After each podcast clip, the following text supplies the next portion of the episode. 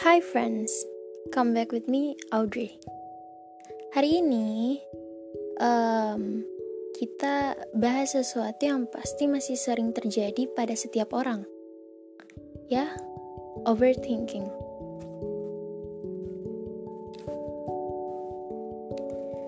Pasti masing-masing dari kalian para pendengar pernah ngalamin ini atau bahkan mungkin sekarang lagi ngalamin. Kita sebenarnya berada dalam ketakutan semu. Like, takut deh nanti dia bla bla bla bla. Takut deh nanti kalau gua gini bakalan bla bla bla bla.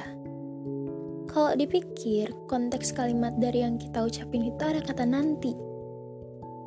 Ya, benar, nanti belum tentu terjadi. Contoh spesifik itu mantan.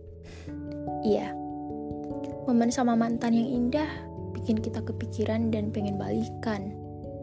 Walau udah disakitin berkali-kali, ya batu. Perempuan biasanya kayak gitu ya. Kalau buat para kaum Adam, ya para pemikir,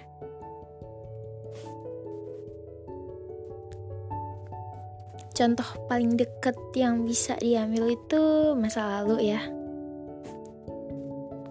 ketika kalian ngalamin momen buruk sama seseorang, hal itu jadi terus terbayang, bikin kalian takut buat mulai hal yang baru. Takut bahwa kejadian menyakitkan bakalan terulang lagi. Padahal itu hanya ketakutan semua aja. Belum tentu bakalan terjadi.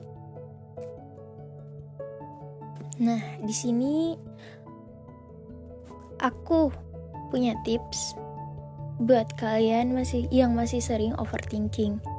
Walaupun aku rasa ini nggak bakalan berlaku ke setiap orang, tapi ini berhasil di aku. Tips yang bisa aku kasih buat kalian itu fokus aja sama masa yang sekarang. Jalani aja dulu. Jangan pernah takut akan hal yang akan ada di masa depan.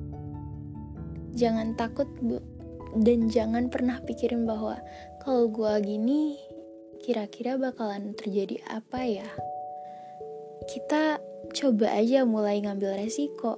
Apa pun yang kita ambil pasti punya resikonya kan? Jadi kita tidak perlu takut akan hal yang akan terjadi di masa depan. Cukup jadikan apa yang terjadi sebagai pengalaman agar kita bisa menata hidup ke depan dengan lebih baik lagi.